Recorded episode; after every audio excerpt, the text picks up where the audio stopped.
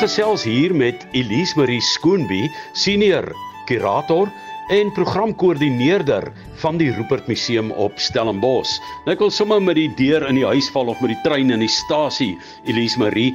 Hier is 'n ongelooflike versameling wat behoue gebly het. In vanaand se program Isias Bos, 100 jaar se vuurkuns Suid-Afrika, vertel Henny Meyer onder andere van die ramp wat by die Johannesburgse lughawe, dis 'n kunskultuurramp gebeur het toe hulle die Jan Smuts lughawe omskep het na die internasionale OR Tambo lughawe en 'n 56 by 6 meter muurpaneel met keramiekteëls van die Sias Bos gesloop en vernietig is.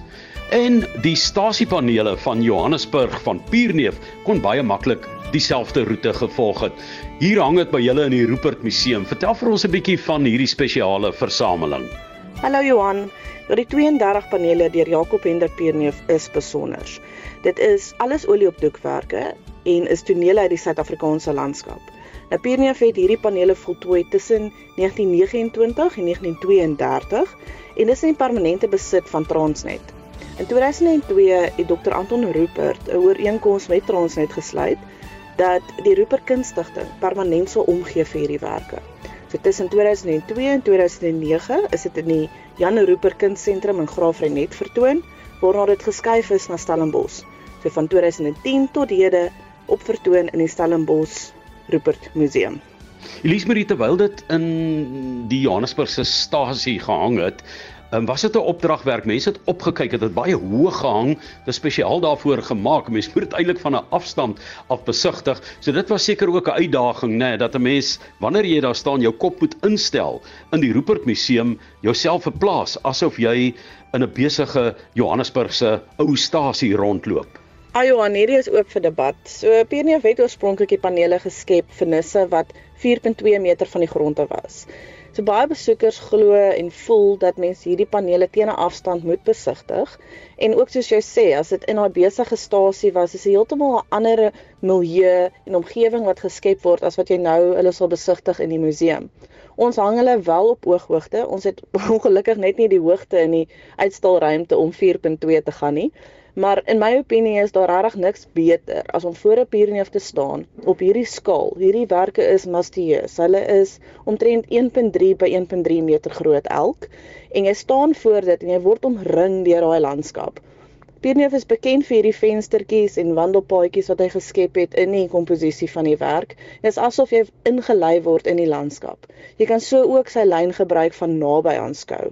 Ek kuier by die Rupert Museum op Stellenbosch, maar dis ook 'n lewendige museum. Jy het aktiwiteite, rondleidings en selfs 'n yoga klas een keer 'n week. Ja Johan, om 'n museum lewendig te hou, moet daar 'n aktiewe program wees. So die rondleidings wat jy na verwys is op Woensdae en Vrydae. Daar's twee tydsglewe, 11:00 en 1:00. Hierdie rondleidings neem omtrent 'n uur en dit is gratis. As daar enige onderwysers of toergidse is wat na hierdie uitsending luister, nooi ek julle uit om vir ons 'n e-pos te stuur.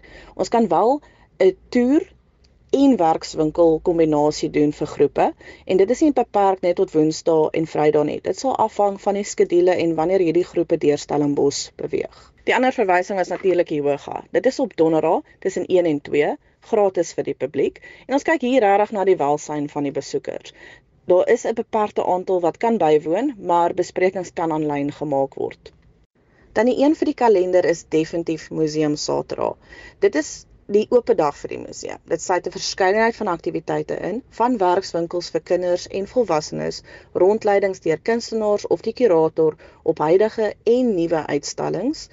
Daar's proe wat ons aanbied. In die verlede was dit van bier, wyn, whisky en so gaan die lys aan. Dit hang af wat ons vier die maand wat ons dan aanbied.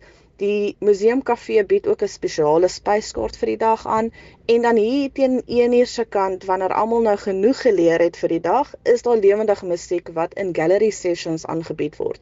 Somermaande is dit buite, wintermaande is dit lekker in die galery spasie omring deur hierdie stasiepanele wat ons vroeër van gepraat het. So is regtig net 'n lekker dag vir die familie om uit te kom, Stellenbosch toe, kuns en kultuur te kom geniet en net die dag saam met ons te spandeer. Een van die opvallende versamelings wat ook hier is en installasies uitstallings is die van Irma Stern. Sy was 'n baie interessante vrou wat in Afrika in Zanzibar gaan kuier het 'n jaar lank. Ek verstaan Imke Hogenhout het 'n groot rol gespeel en vir haar gehelp by die ambassade sodat sy toegang kon kry tot die land en Zanzibar.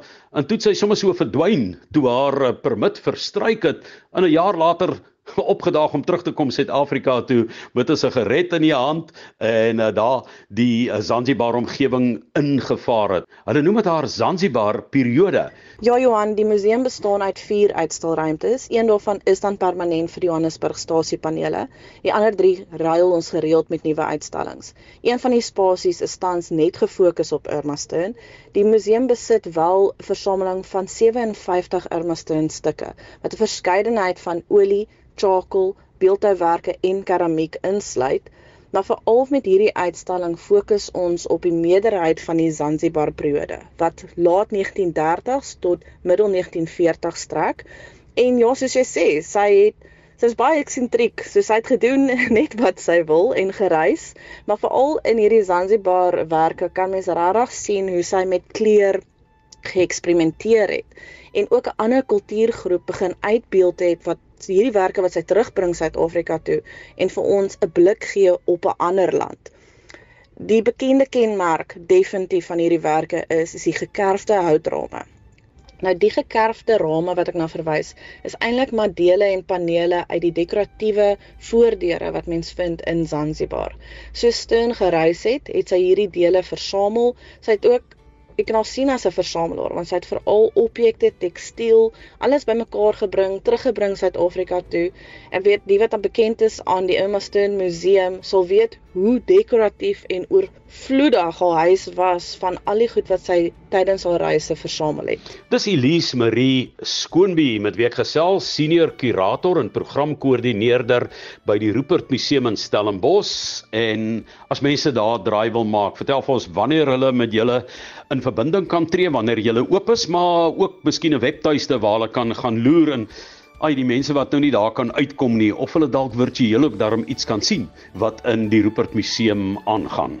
Ja, ons het nou so lekker gesels oor Pierneef en dit pas so mooi in by jou program. So die luisteraars wat nou ongelukkig nie in die Kaap is en na deur kan kom na die museum toe nie, op die webtuiste is daar wel 'n skakel wat mens virtueel die stasiepanele kan besigtig. Ons ure is Dinsdae tot Sondag, weekdae is dit 10 tot 5, naweke 10 tot 4. Toegang is gratis. Dis net op Museum Satra waar daar 'n klein fooi betrokke is tot die aktiwiteite waarvoor mens moet bespreek, byvoorbeeld die werkswinkels en die proe. Besprekings kan gemaak word op ons webtuiste www.rupertmuseum.org. Dis ook dieselfde webtuiste wat gebruik kan word om te sien wat is die huidige uitstallings op vertoon as ook opkomende aktiwiteite en programme. Vir die van julle wat nie bekend is aan die Rupert Museum nie, julle kan ook ons sosiale media volg op Instagram en Facebook, dis net Rupert Museum. En daar deel ons graag hoogtepunte en 'n bietjie feite oor die besonderse werke in ons versameling. So volg ons graag, kyk wat ons doen en ons sien julle gou.